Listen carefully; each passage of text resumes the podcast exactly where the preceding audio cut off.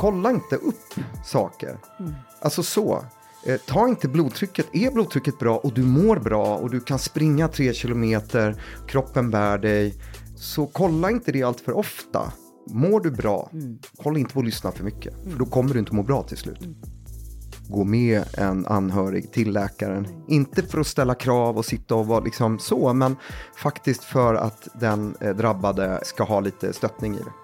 Är vi gjorda för att veta att vi har 30% risk för Alzheimer? Är människan gjord för det och vad betyder den siffran egentligen? Välkommen till Hälsorevolutionen, podden för dig som vill stärka dig själv, både fysiskt och mentalt. Och idag ska vi undersöka den växande hälsoångesten. Vi känner i alla fall att den bubblar där ute. Det är någonting vi funderar mycket över, eh, vi som sysslar med hälsa på olika sätt. Vi vill gärna informera, undersöka, vrida och vända på saker som har med hälsa att göra, men inte skapa ångest, utan tvärtom gärna skapa mer lugn och trygghet. Karina Lundstedt heter jag och är förläggare och poddens producent. Hej Maria! Hej! Ja, jag tänker precis som du Karina, Maria Borelius här. Jag är vetenskapsjournalist och biolog. Och hela mitt yrkesliv så har jag ju funderat mycket över hur man hanterar jobbig information så att det ändå lyfter, men ändå är sanningsenligt. Hur pratar man om det svåra, eh, det invecklade och ger mer hopp än ångest? Men har du hälsoångest, Karina? Nej, alltså eh, tvärtom skulle jag säga. Jag eh, eh, tänker bort det. inte alltid, det beror ju på. Liksom. Men ibland väntar jag nog lite längre. Sen har jag vissa strategier, så här, ja, men om man känner lite ont i halsen så tar jag Espiritox till exempel. Och, ja, man, man har sina knep som man tycker, tycker funkar. Och vi, i min närhet när jag växte upp så var det liksom väldigt ofta tyckte jag att sjukdomar och krämpor fick så himla stor uppmärksamhet så att jag blev nästan allergisk mot det där. Det var mina morföräldrar framförallt. Om, om man var lite sjuk så bara åh är du sjuk? Och jag bara kom och lägg Nej men jag, alltså, låt mig vara. Det behöver inte vara så en himla stor grej. Det blev väldigt ofta en stor grej om man var lite sjuk. Så jag har då blivit, jag har reagerat mot det, eh, blivit lite allergisk mot det där. Och, och du, är du hälsoneurotiker eller? Alltså jag lider av motsatsen som är hälsohybris. Jaha, vad är det? Fruktansvärd sjukdom. Nej men det är sådär när jag har gjort mammografigrejer och det inte är något så, så kan jag ställa mig och säga till min läkare det kunde jag tala om för dig att jag var helt frisk. Alltså det är ju hemskt.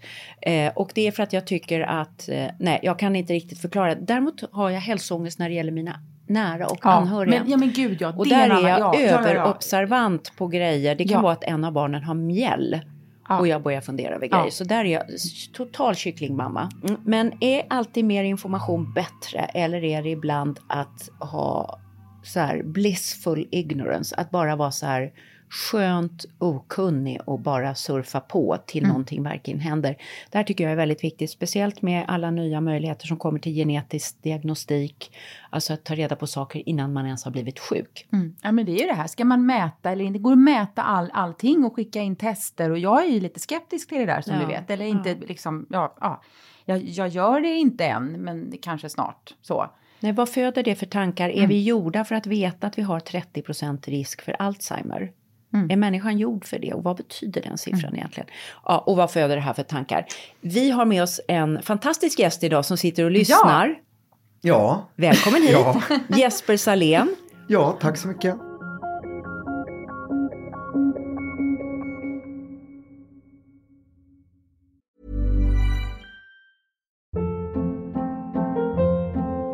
Hold up. What was that? Boring. No flavor. That was as bad as those leftovers you ate all week. Kiki Palmer here, and it's time to say hello to something fresh and guilt-free. Hello Fresh. Jazz up dinner with pecan-crusted chicken or garlic butter shrimp scampi. Now that's music to my mouth. Hello Fresh. Let's get this dinner party started. Discover all the delicious possibilities at hellofresh.com. Life is full of what ifs. Some awesome, like what if AI could fold your laundry? And some, well, less awesome, like what if you have unexpected medical costs? United Healthcare can help get you covered with Health Protector Guard fixed indemnity insurance plans. They supplement your primary plan to help you manage out of pocket costs. no deductibles, no enrollment periods, and especially no more what ifs. Visit uh1.com to find the Health Protector Guard plan for you. Burrow's furniture is built for the way you live. From ensuring easy assembly and disassembly to honoring highly requested new colors for their award-winning seating, they always have their customers in mind. Their modular seating is made out of durable materials to last and grow with you. And with Burrow, you always get fast, free shipping. Get up to 60% off during Burrow's Memorial Day sale at burrow.com slash ACAST. That's burrow.com slash ACAST. burrow.com slash ACAST. Och du är allmänläkare, en väldigt fin specialitet därför att man måste Tack. kunna så mycket. Ja. Men du är en speciell typ av allmänläkare. Du berättade för mig innan det hette... Nej, men jag är ST-läkare och sedan några år så måste man verkligen betona T i ST. Det står för eh, specialisttjänstgöring. Ja. Eh, och det är när man är legitimerad så kan man välja vad för typ av läkare vill jag vara. Och eh, alltså vilken specialitet. Så då är det ungefär fem år ST-tjänst eller specialisttjänstgöring. Så jag är snart klar om ett år.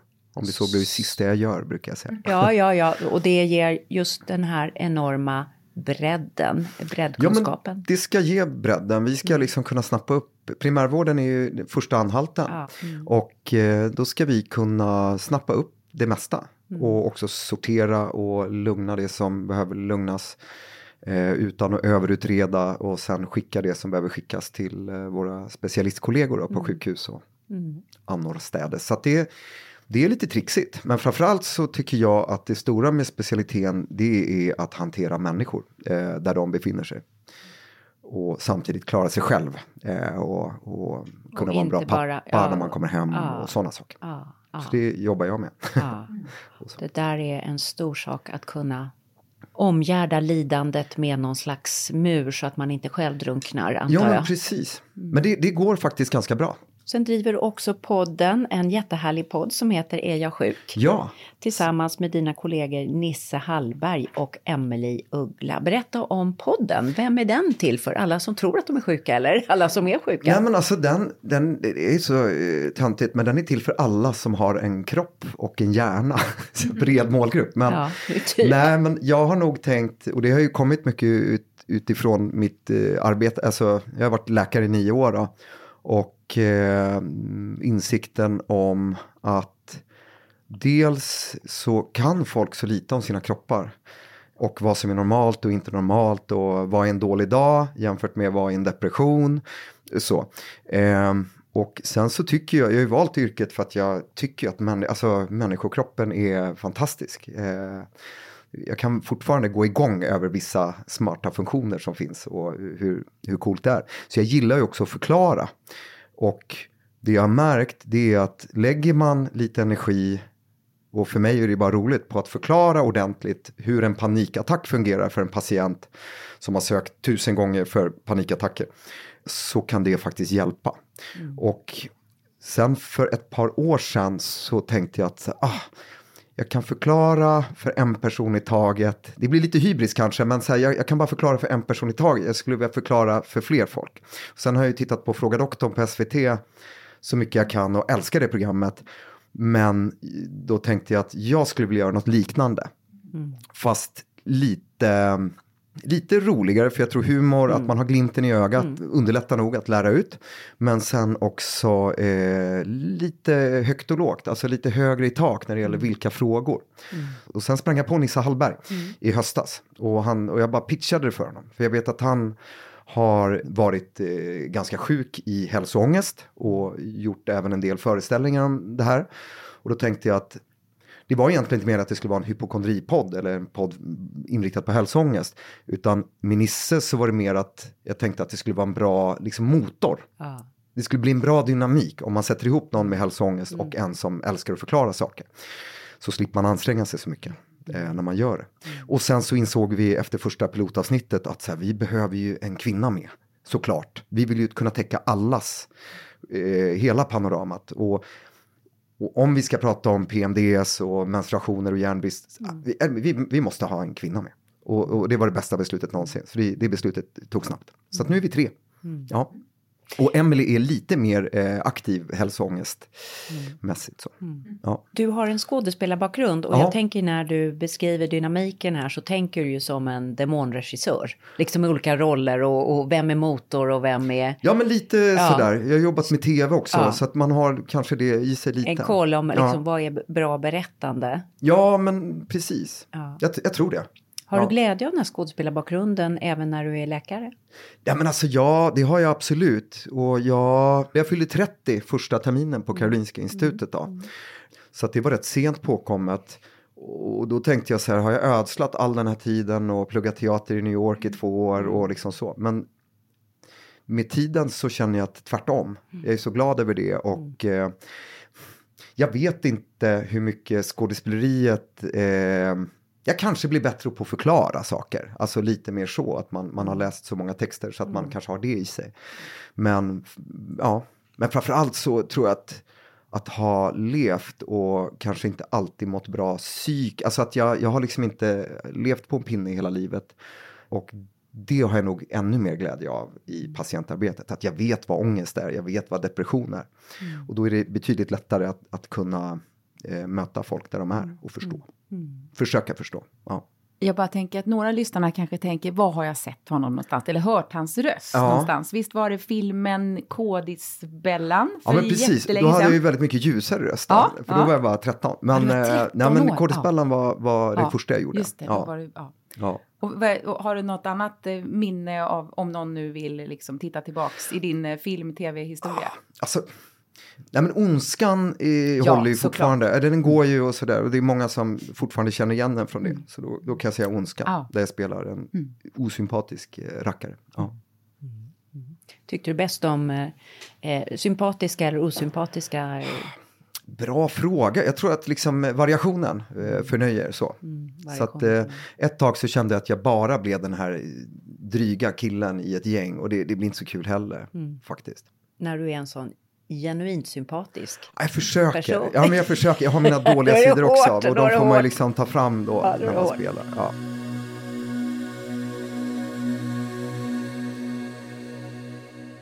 Du, eh, vad ska vi kalla det? Hälsoångest, hypokondri, vad är en korrekt term? Nej, men eh, det där är lite intressant. Hypokondri, jag menar förr i tiden sa man inbillningssjuk. Eh, hypokondri, vet ni var ordet kommer ifrån? Grekiska, hypo, ovanpå någonting? Ja, hypokondriet, det är precis under, liksom nedanför bröstbenet Ah. där magen börjar. Översta delen av magen. Hypo under Jaha, under, förlåt, Och det är liksom revbensbågarna. Ah. Och det är väl därför man, eh, alltså att det heter så tänker jag för att det är ofta man tar sig för magen. Ja, just när det, någonting är jobbigt. är Ja, magkänslan. Ja, Och den ja. finns ju. Men eh, sen ett tag, det finns ju en diagnosmanual för psykiatriker framförallt, för psykiatriska diagnoser som heter DSM.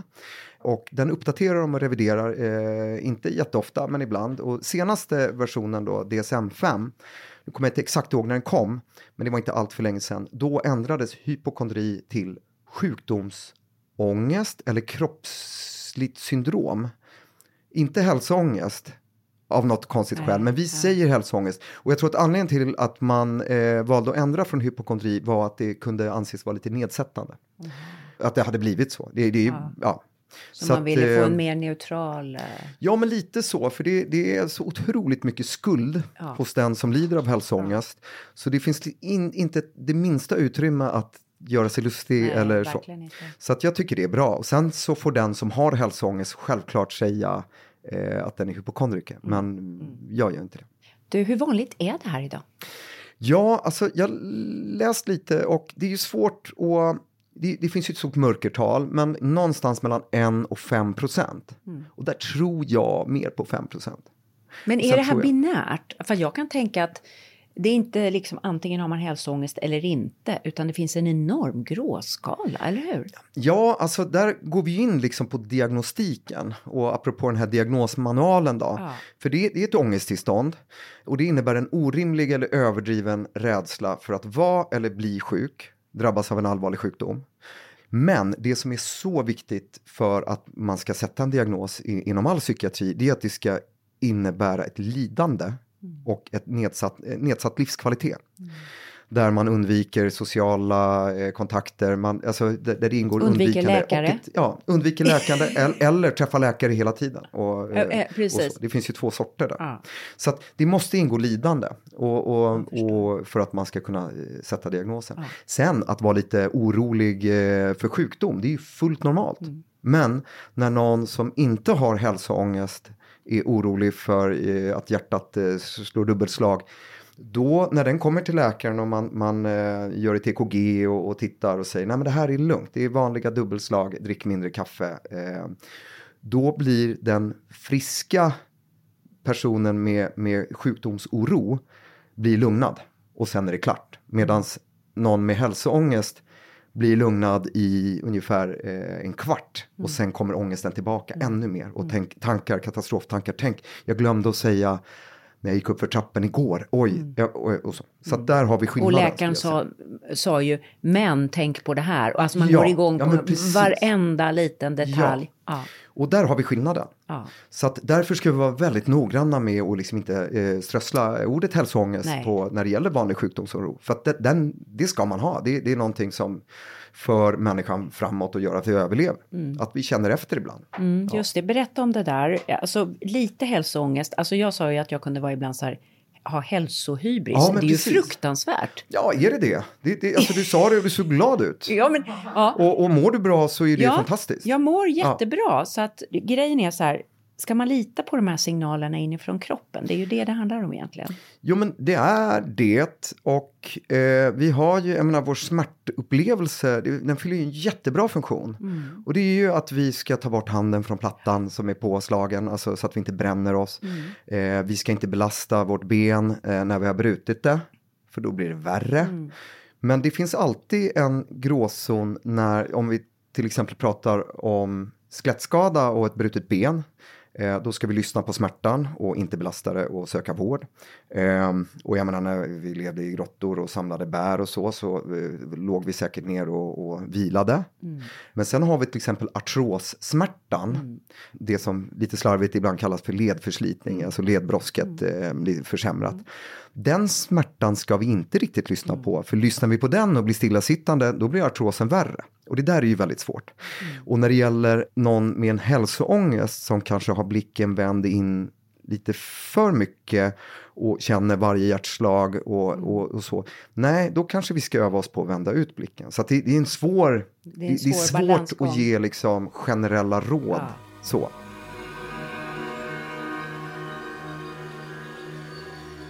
Det finns också många sjukdomar, till exempel bröstcancer. Det Ja. ger ju ingen smärta ifrån sig. Det kanske inte ger några tecken alls. Nej, Så det eller finns väldigt diffusa väldigt tecken. diffusa Lite tecken. spänningar och Lite spänningar Ja. och sådana saker. Ja. Och sen kan det också vara, jag måste alltid sova med öronproppar för att min man snarkar väldigt mycket. Ja, Problemet med det är att man hör sina hjärtljud väldigt Ja, bra. ja. För man får ju en inåtblick på, på hörseln. Ja. Och när man börjar lyssna på dem så är det rätt så här jobbigt liksom. Ja, ska det slå en gång till? Ja. ja. Ja. Då blir man som den här eh, Tintin som jag läste mycket när jag var liten. Kapten Haddock Mm. som var en äldre figur där. Han var ju så han skulle gå och lägga sig på kvällen.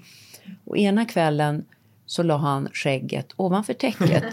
och nästa kväll la han det under täcket. Till slut blev han så här, hur var det jag hade förra kvällen? Var det ovanför eller under täcket? Jaha, ja. Och man kan bli lite så med hjärtat. Ja. Nej men slår det inte lite långsammare nu? Lite, Ja. Jag ligger där med mina öronproppar Ja. i snarkljudet Ja. och börjar fundera över hjärtljudet. Ja. Alltså, hur, my- hur mycket ska vi lyssna inåt på det här? Nej, men, lite lagom. För, jag kan bara säga, alltså, när, under utbildningen så skulle vi eh, prova att göra ultraljud på varandra Ja. och titta på hjärtat. Ja. Och då såg jag mitt hjärta slå där eh, på ultraljud och jag fick panik. För jag var, just det här, kommer det sluta slå? Det var så läskigt att se det här Ja, hjärtat. se liksom det här så. arbetet. Så jag kan relatera till Ja, den biten. Och ja. jag tror att det är jättevanligt eh, just på natten när det blir tyst omkring och liksom kroppen finns där och lever och tarmen eh, rör sig. Ja. Men ju längre jag jobbar som läkare så blir min filosofi för det får man faktiskt ha lite även som Ja. läkare. Sen har vi PM hur vi ska utreda allting och så. Men mår man bra, kolla inte upp saker. Alltså så. Eh, ta inte blodtrycket. Är blodtrycket bra och du mår bra och du kan springa tre kilometer, kroppen bär dig. Så kolla inte det allt för ofta. Utan då brukar jag ge som uppgift, för ibland så just kring blodtryck som är en sån vanlig, vanlig sak som vi har att göra med. Så blir folk som köper egna manschetter, de, de tar liksom blodtryck flera gånger per dag. Och kommer med lista. Så här, Nej men nu är det bra, låt det vara. Och sen ses vi om ett år så tar vi om det, lite så. Men, men det handlar om, mår du bra, håll inte på att lyssna för mycket. För då kommer du inte må bra till slut. Men då måste jag få fråga, vad, vad tycker du om det här med att man kan mäta sin hälsa så mycket nu? Som Maria, du har ju din Åra-ring. Och du gillar den. Och, och, och din man har också en. Jag, jag har tänkt köpa en, men då tittade jag på den här Gucci-varianten. Den var så dyr. Det så här är inte Gucci, det här det ingen är Åra-ring. Och- och H&M-varianten. Allt Ja. som man kan mäta. Ja. Är, det, är det bra? Bra fråga. Ibland, alltså smartklockor, är den här ringen, är det också lite, mäter den puls och Ja, syremättnad? syresättning så? och syresättning i syremättnad. Ja, blodet? så det mätes. um, Ja, alltså. Jag, jag, ligger, jag är ingen läkare som eh, ligger på spetsnivå när det gäller i framkant i forskningen, utan jag, jag, så ska sägas. Det beror väl på, men jag menar den enda gången som jag har känt att jag har varit tvungen att mäta min sy, syremättnad, det var under covid när jag var väldigt sjuk. Eh, och visste inte riktigt eh, vad jag skulle göra tidigt under den pandemin. Men det är ju då. Annars, jag sitter här och kan prata länge utan att och liksom behöva andas. Det, för mig så tyder det på att jag har en bra, jag har inga problem med min syremättnad. Får jag ge ett alternativt synsätt som Mm, inte gärna. går emot det du säger? Ja, Så här tänker jag. Jag tycker om mätningar som levererar resultat som gör att jag kan vara självlärande och självförbättrande. ja, Det vill säga en mätning som talar om för mig att jag har 35% risk för att eh, dö i ALS. Den är inte jag intresserad av. Mm. Nej. För det kan inte jag påverka. Nej. Den kommer bara ge mig ångest. Ja. Men den här lilla glada åraringen Ja. talar om för mig, lär mig hur jag ska sova bättre. För jag spännande. upptäcka att om jag trycker i mig tre feta drinkar klockan 11 på kvällen kommer jag sova som en absolut kratta och ha en minuts REM-sömn. ja, Och jag kommer kunna se hur mitt stackars lilla hjärta inte kan liksom gå ner. nej, Och medan jag vet att min gräns går vid ett glas vin. Ja. Och efter det påverkar mitt hjärta. Och sen kan jag fatta nya beslut. Utifrån det. Ibland väldigt bra beslut. Och några gånger väldigt dåliga beslut. Men då gör jag dem medvetet. Och då har, då Vad säger du om det. Nej, men jag, synsättet? jag, håller, jag, jag håller med. Eller jag tycker det låter jättevettigt. Ja. Eh, för det är ju så, precis som du är inne på, och, och någonting som vi läkare ibland inte är så bra på, men som vi måste jobba på när vi beställer utredningar, alltså Ja. röntgen eller så, eller blodprover. Vad ska vi göra med svaret? Precis. Eh, och, så. Och Precis. så är det ju med, med det här med Vad ALS. Så, så här, jag har svaret? 30 procent. Ja, nej, men, Ja. så. Jag skulle inte sova gott av det. Nej. Utan då är det ju bättre att den dagen eh, om jag skulle drabbas, att jag får reda på det då så Ja, jag kan så leva fullt tills dess. Så känner jag också. Eh, men då har du ju ett syfte med din pulsmätning. Ja, För nej, men, att du må, alltså så. Och ja, då, och, och jag kan så? göra något med svaret. Ja. Och eh, min styvsvägerska är mm, professor på Karolinska i eh, klinisk genetik. Och Ah. hon sitter ju med många föräldrar som gör fosterdiagnostik. Ja. Och hon sa det att det är så viktigt att tänka igenom innan. Vad ska vi göra Ja. med svaret? Vad, vad, om vi får reda på att det här barnet är väldigt sjukt, Mm. halvsjukt. Vad, vad ska vi göra med det här svaret? Ja. Att tänka på det innan. Och, och det är, Vad, vad, vad tänker du om det? Jag försöker alltid jobba Mm. så och jag tar inte jättemycket blodprover och, och, och så. Men jag försöker vara stringent och ta det när det behövs såklart. Mm. Men till exempel eh, en ganska trivial eh, sak, eh, ni vet vad CRP är, Mm. snabbsänkan som eh, ofta är ett tecken på inflammation, indirekt infektion. Mm. Jättevanligt prov, det kan vara jättehjälpsamt. Men när någon kommer in och är förkyld och har lite feber Mm. till mig, då finns det många kollegor som alltid tar ett CRP. Mm. Men då är det sådär, om det är så halvförhöjt, vilket det är när man har en virusinfektion, Mm. men vad gör man då? Vad gör man om det är lite mer än halvförhöjt? Då hjälper det inte mig, utan då, då, då tittar jag på allmäntillståndet, lyssnar på lungorna, ser att personen kan prata utan att behöva chippa efter andan. Så, liksom så. Så att det är högt och lågt. Och när det gäller klinisk genetik så är ju liksom Det är stora ex- beslut. Det är existentiella Ja, beslut, alltså det är på existentiella hög nivå. Så Ja. självklart är det ju ännu viktigare där. Ja. Men jag tycker att vi, vi behöver bli bättre på det och vi behöver lära oss det tror jag även i våra skolor lite mer. Ja. Alltså då talar du läkarutbildning. läkarutbildning, ja. Ja. För det är vi som beställer alla utredningar. Precis, och, att man har en humanism i detta också.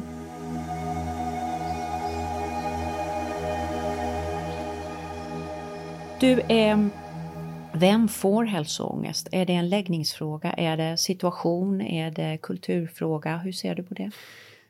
Arv och miljö gäller ju alltid. Alltså du kan födas med, jag brukar prata om livets lotteri, att vi föds med olika, vi ser olika ut på utsidan och vi ser också olika ut på insidan, även om det, vi har jättemycket gemensamt. Mm. Men framförallt i hjärnan så, så har vi olika, jag är en ängslig själ, eh, så föddes jag, jag har det i blodet och det finns säkert en bra funktion med det. Men vi kan inte göra någonting åt det, alltså hur vi föds. Sen självklart miljön i vår uppväxtmiljö.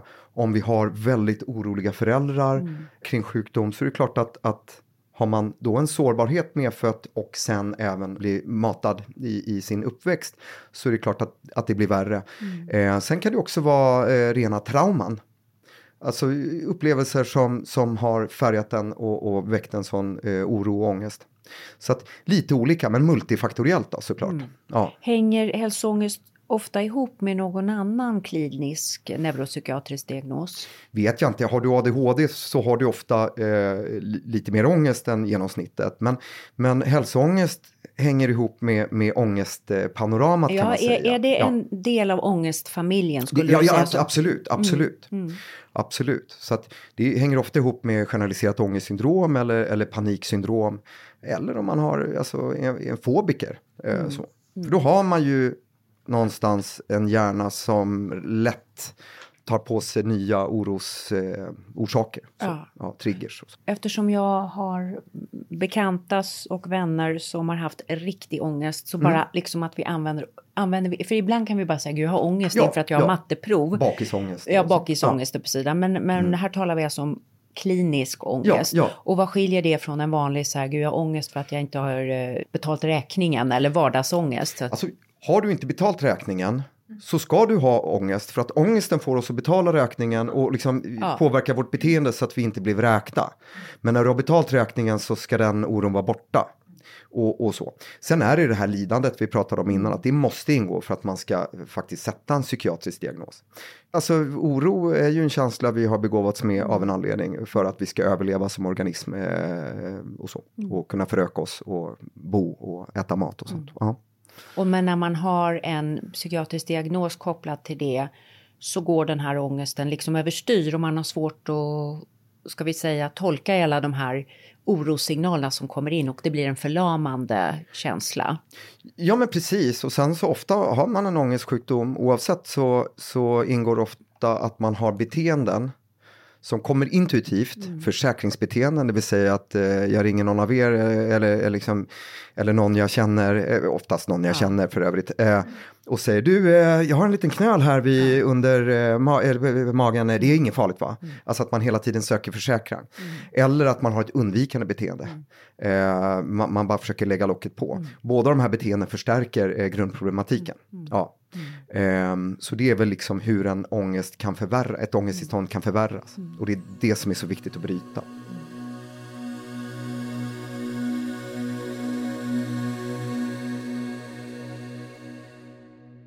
Jag har sett en sån här ångestattack eh, på riktigt. En panikattack då? Ja, ja. en panikattack ja. kopplad till hälsoångest. Mm.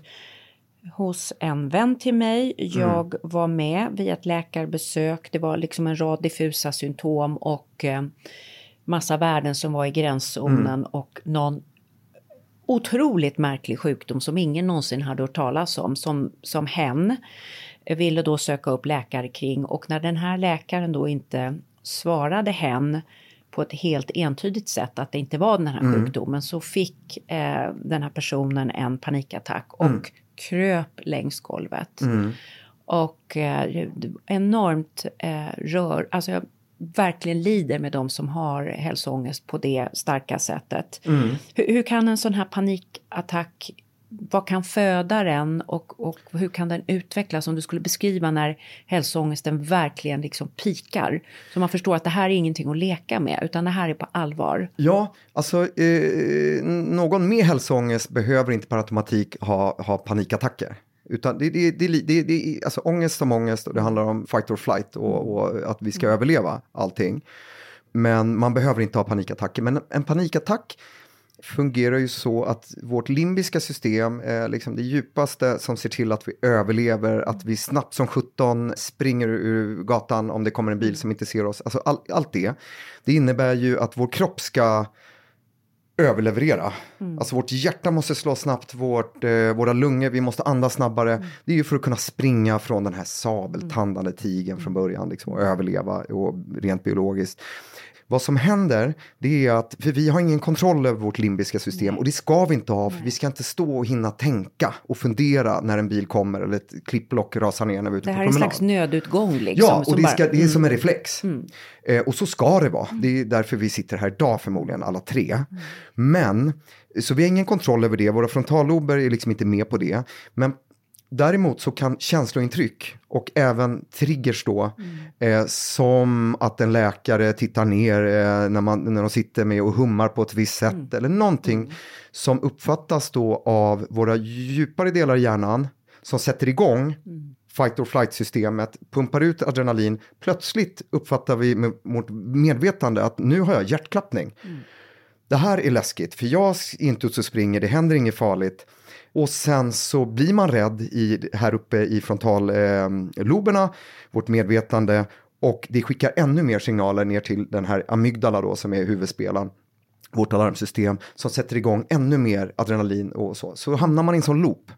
Och det är jätteläskigt om man plötsligt får hjärtklappning eller börjar bli andfådd. Mm. Fast egentligen så är det ju vår kropp som förbereder oss på att kunna springa en mil. Och, och då, den förbereder oss innan vi springer, vilket är mm. fantastiskt. Mm. Ja, det är en viktig del tycker jag att förklara att våra kroppar är fantastiska. Mm. mm. Och har man en hälsoångest som är så utvecklad och skapar så mycket lidande för en, vad finns då för verktyg medicinskt och terapeutiskt att hjälpa? Alltså panikångest, eh, en bra KBT-psykolog är liksom högst uppe på min lista. Mm. Det finns även just för eh, bland annat eh, hälsoångest, internetpsykiatri. Mm. Som också kanske är, det, det, blir mindre insats, man behöver inte resa någonstans. Det, det är nog mer kostnadseffektivt för samhället mm. etc. Mm. Men som ger bra resultat. Mm. Men då behöver man göra eh, jättemycket jobb själv. Det behöver man alltid göra. Mm. Man kan inte räkna med att en psykolog eh, eller internetpsykiatri kommer lösa det här åt en, utan man måste göra sina läxor, det är det enda sättet.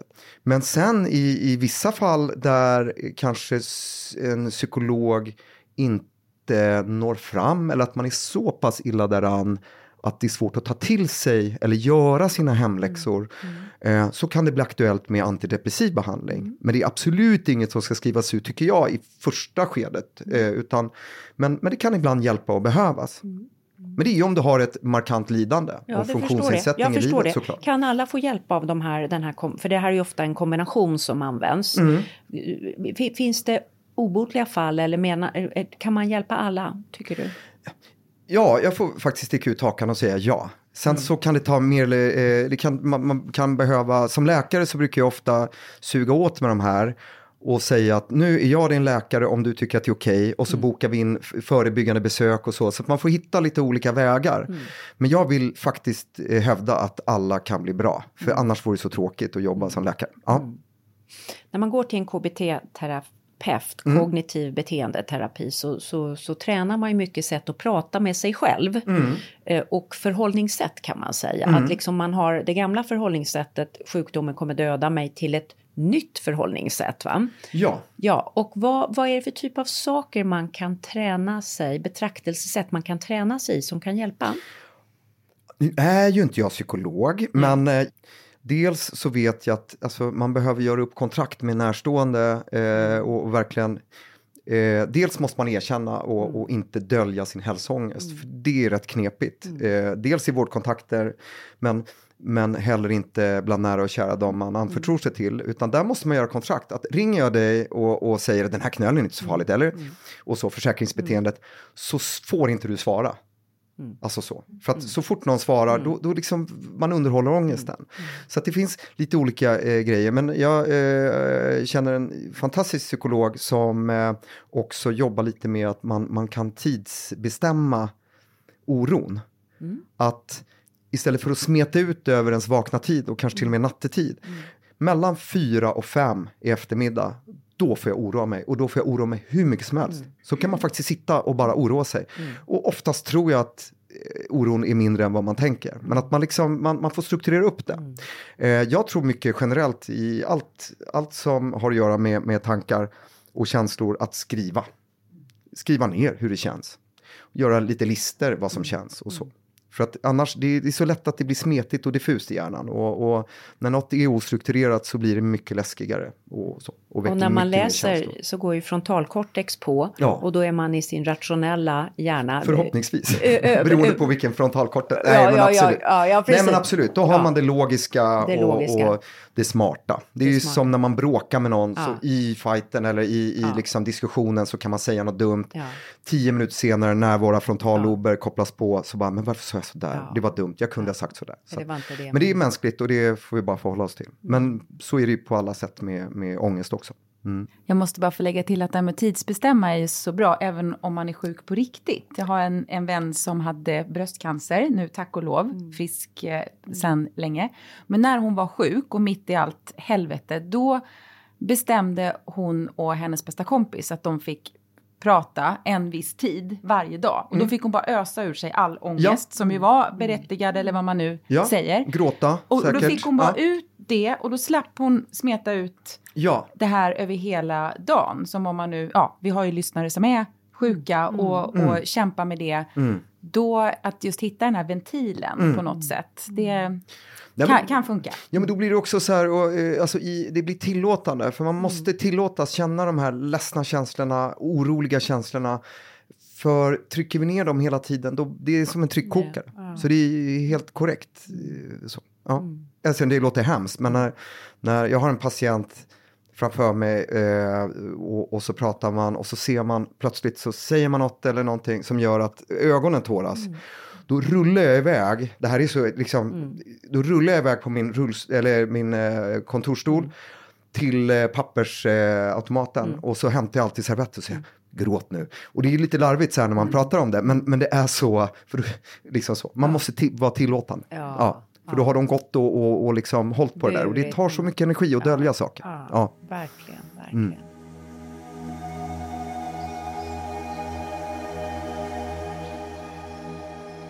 Det finns ju då situationer när hälsoångest är väldigt närvarande och berättigat. Till exempel när man väntar på provsvar. Och man har gått och oroat sig för något och nu undersöks det om man till exempel har en tumör. Det är ju en hälsoångest som är berättigad. Ja. Så, så hur kan man ta vara... Eller en oro. Då, En oro. Inte hälsoångest. Nej, förlåt. Ja, förlåt. nej, nej. Du- Ja, men nu är jag lite Jo, jo, men, då. men det, ja. Ja. vad ska vi kalla det för? En väldigt, förs- ja, vad vi nu än kallar det. En oro som är eh, djupt förståelig. Eh, hur kan man ta hand om sig själv under en sån påfrestande? Är det då boxa in oron? Eller vad, vad, vad, vad finns för tekniker man går och väntar på provsvar? Som är, kommer betyda mycket för en. Vad har du sett för bra strategier? Jag är ju sällan med när de väntar inser jag Ja, nu. då har du skickat vidare dem ju. Ja, Det är ju allmän, ST, allmänläkarnas... Ja, det här är ju högst liksom hur jag gör och man, eh, efter ett tag så har man ju sina favoritsägningar som funkar och verkar stilla oro. Men jag brukar säga att din oro har fört dig hit. Den har gjort sitt jobb. Nu har vi tagit de här proverna. Lämna din oro här för att nu har oron, jag tar över din oro och jag eh, jobbar med att ta över folks oro och jag vet vad jag ska göra med den. Så, det försöker jag säga, alltså verkligen sanera lite och förklara att oron har varit jättebra. Som sagt, det finns en funktion med Ja. och du har tagit dig hit. Sen är det svårt. Och det var därför jag var lite petig, för att en oro inför liksom läskiga provsvar eller någonting som kan av, vara avgörande jämfört med hälsoångest i olika saker. Och ibland är det så Är det så under... olika saker? Ja, men alltså... Men det är ju eh, samma system som går igång, bara det att i ena fallet går det över och Ja. andra inte. Ja, men då är det inte en sjuk... Alltså, eh, om vi diffar Ja, mellan hälsoångest som är en orimlig rädsla eh, med normal sjukdomsoro. Mm. Vilket är svårt att liksom, eh, komma till rätta med när man väntar på provsvar. Utan ibland är det så att då får vi vara oroliga. Vi Ja. får sova dåligt i två veckor. Ja. Och sen har vi svaret. Ja. Och så. Och så får det bara vara. Medan med hälsoångest så, så är det där, det, det har inget slut. Det fortsätter ju, det spelar ingen roll när du får provsvar. Nej. Och så. Och där, därför är det en viktig Ja, skillnad. vä- Viktig skillnad, jag. ja. Har du några tankar om det Karina? Du har ju väntat på mycket provsvar med Ja, ja. Någon erfarenhet att dela? Ja. Eh, med min man som var sjuk och inte lever längre. Precis. Mm. Det eh, blev rutin på något sätt skulle jag säga efter ett tag för att det Mm. var så mycket. Men vi var ganska bra på det, att fokusera på annat. Eh, ut och gå, eh, ut och springa, fokusera på vad vi skulle äta till middag, göra något roligt. Anders var mästare på att inte ta ut oron i förskott. Det var, Nej. det var, det var liksom hans motto. Liksom. En verk i Oroa taget inte. som man föder barn. Ja, ja, Ja. ja.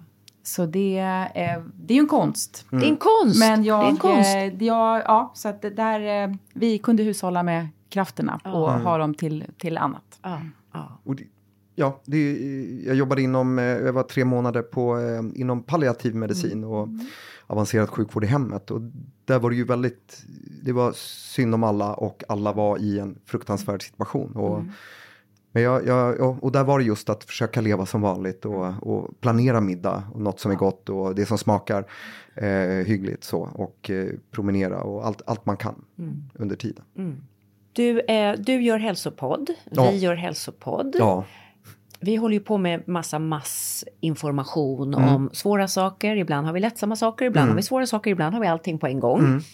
Är det något speciellt vi ska tänka på för att vara sanna men liksom inte sprida hälsoångest i onödan? Är det något speciellt ansvar vi har? Är det någon speciell sak du tänker på? Ja, alltså vi, vi tre ska ju tänka på samma saker. Eller så Ja, egentligen. ja, ja, men nu- och, och, och där kan jag tycka att ehm, man vill ju ha lyssnare. Och gärna, eh, det är en positiv sak. Och att man, för det kan jag tycka med så här, kvällstidningar, hur de rapporterar om, om eh, hälsa eh, kan jag tycka är fruktansvärt. Det driver nog mycket hälsoångest. Nu får du vara försiktig för Karina har varit hög chef på Expressen. Way back på Ja, nej, men, och det är 90-talet. okej. Jag läser ju Expressen och, Nej, men det var och Aftonbladet och så. Jag orkar inte Nej, med då, det men- kort. Jo, jo, men det här kort, det är väldigt kortsiktigt allting. Jo men det är det och det Ja, handlar ju ja. om man, alltså, såklart då, och business. Eh, Mm. men att eh, liksom inlåsta artiklar med, jag brukar skoja, jag vet inte om jag sett artikeln eller om jag bara hittar på, men så här, ditt bajs kan vara cancer, överläkare, alltså lite så. Ja, ja, ja, ja. Eh, klicka här och, och då, eh, jag har ju inga så här premiumabonnemang eh, på kvällstidningar. Så jag klickar ju aldrig och jag kan tänka mig att det är ganska många som saknar, de ser bara den här eh, artik- eh, liksom själva rubriken. Och det ska vi inte hålla på med, någon av oss eh, faktiskt. Men, men jag, jag har ganska, alltså, eh, jag kan oroa mig, jag höll på att säga att jag kan ha ångest, men jag kan ha oroa mig för att jag ska göra människor mer oroliga i podden. Så det tänker jag ofta på. Och, och är väldigt medveten om och, och lite, lite nojig. Ja. Ehm, Men en sak som jag tycker är viktigt eh, ihop med det du säger förstås eh, är ju att även om man talar om jobbiga grejer att alltid också ha ett vägen ut med. Så att det finns liksom, även om det är skittuff sjukdom, förhållningssätt, metoder, möjligheter, att det ska alltid finnas också ljus. ja, Så att man inte bara lämnar människor med en så här mörk, ja men allt är kört-känsla. ja. För det, det Nej, är men inte där vi glimten i ögat, alltså glimten i ögat är svårt om vi liksom pratar cancerbesked såklart. Men, och där får man liksom använda sitt sunda förnuft och inte bli gränslös. Alltså man, jag har lärt mig genom de här nio åren att jag tog bort, jag gillar att skoja. Och när jag blev läkare tänkte jag, jag får inte skoja, nu får jag sätta stopp för allt skoj för det kan bli så fel. Men sen har jag liksom tagit tillbaka det steg för steg lite och, och också tajmingen, när kan man skoja, när kan man avleda någon, även i ett fruktansvärt samtal, om, eller om något fruktansvärt. Men man får aldrig göra sig lustig eller, eller liksom skoja på någons bekostnad eller kränka, alltså det, det är så, men, men ja. Men man gillar ju läkare som har ett känsloregister, om jag nu tänker på dem som jag och, och Anders träffade, Mm. och, och det var ganska många. Så de som är så här helt stiffa, som bara, ja, jag kan bara uttala mig exakt, alltså de Mm. låter som, som en robot, och operationen gick så här, punkt, hej då.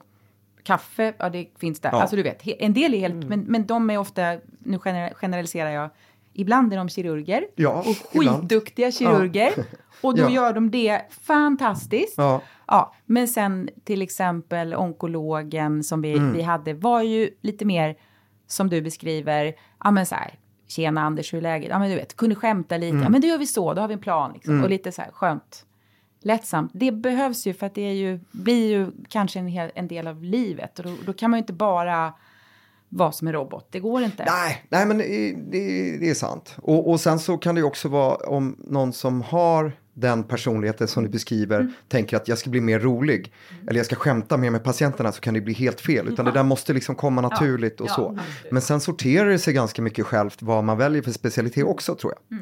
Och eh, jag är jätteglad att det finns duktiga kirurger som, ja, men, ja, men, och det är du Gud, också. ja, Nej, jag alltså, menar inte, jag, inte jag, men, men, jag har stått och bugat ehm, inför dem. Jo, men så, eh, och jag misstolkar det inte tror jag, men, men just att eh, vi, vi har olika, vi, vi, har, vi är födda med olika egenskaper och arv och miljö och det och eh, ja, så. Men självklart ska man inte sitta gravallvarlig hela tiden bara för att man förväntas göra det.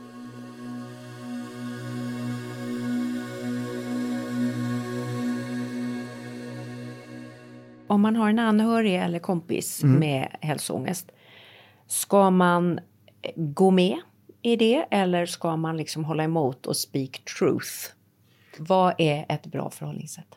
Känner man sig övertygad om, och det gör man ju ofta om man känner någon, att det här är nog mer hälsoångest än faktisk sjukdom. ehm, att man lyfter, man sätter sig lugnt och pratar om det och, och man ska inte anklaga eller säga att det sitter i huvudet eller så. Allt sitter, alltså hjärnan sitter ju i kroppen och vi tar hand om allt. Men, men neutralt och empatiskt. Jag, jag har under de här tio åren upplevt att det är ganska ofta som att du blir väldigt orolig och jag är orolig eh, för du sover inte om nätterna och det tar upp mycket av din tid och så. Att man faktiskt, eh, nej men jag-budskap helt enkelt, eh, det gamla klassiska knepet. Eh, och jag är mycket för att gå med en anhörig till läkaren. Inte för att ställa krav och sitta och vara liksom så, men faktiskt för att den eh, drabbade eh, ska ha lite stöttning i det. Och att man faktiskt kan förklara om den drabbade inte vågar säga att, att jag har mycket ångest, utan att man faktiskt är med. Så. Det är med, ja. Det tycker jag, då, då eh, är man en god anhörig. Ja. Ja, men, var med och lyssna. Det är ju Ja. så bra. Det säger jag till alla som Ja. Mm. undrar hur ska man göra om någon, blir- någon blir svårt sjuk. Alltså utifrån ett Ja. anhörigperspektiv. Och då slipper också den som är sjuk förklara Ja. allting. För sen ska man förklara för 17 släktingar. Jo, men verkligen. Skitjobbigt. Ja. Så det är bättre att då den andra gör det. Jo men såklart. Ja. Och i, i ditt fall eh, liksom all, allvarlig diagnos och, och förlopp såklart. Men även i det här med hälsoångest Ja. tycker jag att Ja. misstänker man att den man älskar inte kommer gå till doktorn eller att det eh, kommer säga att allt är bra hos doktorn, då tycker jag man ska erbjudas i alla fall. Ja. Jesper Salén, Ja. härligt att ha dig här Mm, och prata om detta här. viktiga Ja. ämne. Vi önskar dig och podden lycka till. ja men tack så mycket. Ja. Ja. Och lycka till eh, ni med, fast det verkar ni inte behöva. Jättebra, tack. Tack. tack.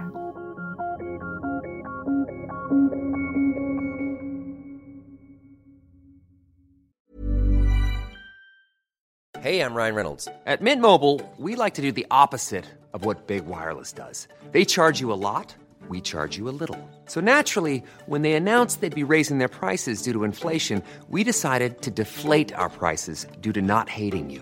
That's right. We're cutting the price of Mint Unlimited from $30 a month to just $15 a month. Give it a try at mintmobile.com slash switch.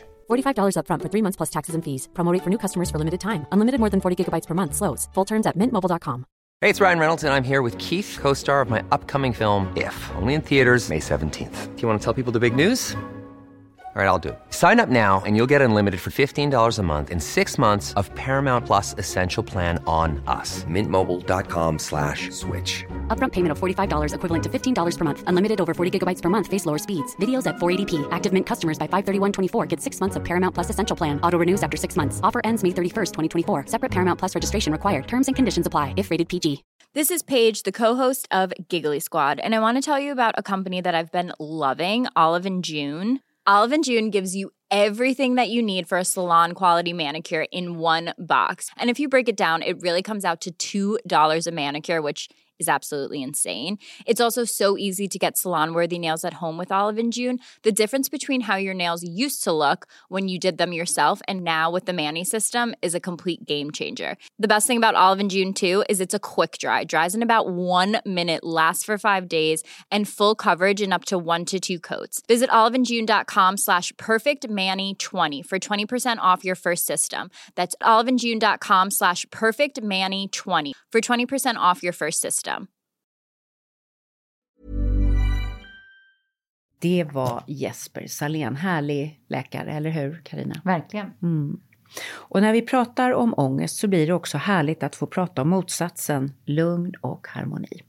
Och då kommer vi att tänka på en indisk ört som anses vara just kortisolbalanserande, alltså stödja inre lugn och ro. Vi talar om ashwagandha.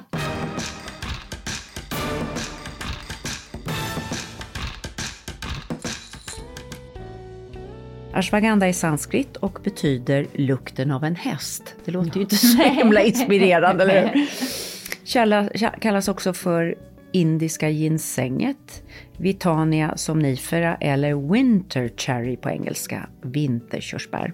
Det här är en buske som växer i Indien och Sydostasien med små gröna och röda bär och faktiskt är den kusin med vår potatis. Och det kan man hitta i ayurveda-butiker och faktiskt också på apoteket nu på vissa ställen. Och de är ju mm. ganska noggranna med den vetenskapliga dokumentationen och det tycker jag är intressant. Och där hittar man tabletter, det är alltså den pulveriserade roten. Eh, det verkar ur ordentligt gjorda studier som är både dubbelblinda och randomiserade kunna reducera serumkortisolnivåerna, alltså nivån av kortisol i blodet av det här stresshormonet som binjurarna utsöndrar och som vi ju mår bra av i korta stunder men inte för mycket och inte för länge. Den där långvariga kortisolhöjningen kan ju skada immunförsvar och hälsa. Och så visar samma studie att ashwagandha kan förbättra både längden på sömnen och sömnkvaliteten.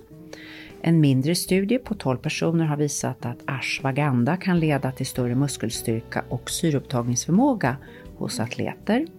Och det finns en rad andra intressanta diskussioner om ashwagandha kan påverka inflammation, blodsockernivåer, fertilitet, ångest, minne och uppmärksamhet. Vi behöver göra större studier och innan man har gjort det är det förstås svårt för läkarkonsten att komma till konsensus om till exempel dosering kopplat till olika typer av symptom. Men jag har fått ashwagandha av min indiska läkarkompis i London, Jaya Prakash. En tablett före sänggående ger väldigt fin sömn och det ger mig balans. Eller också så gör du ashwagandha-bollar som en lite lycklig och lugnande efterrätt. Vad säger du om det Karina? Det låter gott. Det låter gott. Ja, hur gör man det? Då behöver man eh, hitta ashwagandha-pulver och det kan man alltså göra på ayurvediska affärer som finns i de större eh, städerna i Sverige eller också mm. kan man beställa på nätet. Mm. Och så tar man 15 dadlar utan kärnor, gärna såna här medjool-dadlar. En och en halv deciliter kakaonibs, två matskedar kokosolja, havssalt och sesamfrön.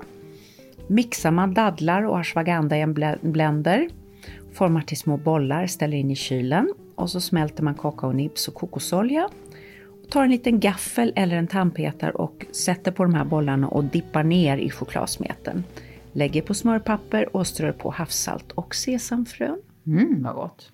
Det kan vi ha som en liten balans till hälsoångesten. Ja, verkligen. Jag ska verkligen. försöka lägga ut det här receptet också, det har ni ja. efterlyst, så att, ja. vi, vi, eh, att det blir extra tydligt. Ja. Precis. Ja, spännande podd om hälsoångest mm. och eh, det är intressant vad de här ångestsymptom eller ångestsystemen inne i oss kan spöka till det för oss som mm. människor, eller hur? Mm. När, vi, när vi blir paralyserade av inbillade och verkliga saker. Mm. Och eh, det, det förtjänar, tycker jag, mycket uppmärksamhet. Mm. Och har man en gång sett en sån här panikångestattack som jag har gjort just kopplat till hälsoångest mm. så det här är ingenting jag tar lätt på personligen. Nej, jag har faktiskt råkat ut för det själv eh, personligen en, en, gång för, ja. för länge sedan. Men, ja. men det, det kan vi ta en annan gång. Ja. Men jag tycker också att det är spännande att komma in i en eh, läkares vardag. Och, och just allmänläkare som, som eh, ja, får möta väldigt många olika typer av patienter. De, de, kan ju verkligen ta temperaturen lite på var vi, var vi befinner oss. Så det det är ju kul att Jesper har hittat den här kombinationen av att vara läkare och poddare. Ja, och använder sin skådespelarbakgrund ja. och, och fina, fina empati för mm. människan. Mm. Ja. Så tack för att du har lyssnat till oss idag. Om du har tankar om detta eller något annat ämne som du tycker är viktigt så skriv gärna till oss. Mm. Vi har en mejladress som är halsorevolutionenpodcast.gmail.com och vi finns på Instagram där vi heter halsorevolutionen understreck podcast. Tack alla som följer oss, tack alla som lyssnar. Ni vet väl att ni kan trycka på plusset på er poddplattform för att eh, följa oss och då kunna prenumerera och få påminnelser. Och sedan är det jättelätt att trycka på den lilla pilen och då kan man skicka det avsnitt ni vill dela vidare av till, eh, ja, som ett sms eller ett mail till någon mamma eller syster eller bror eller, eller kompis. Och då sprids vi och då blir vi så glada. Tack, vi hörs snart igen. Hej då!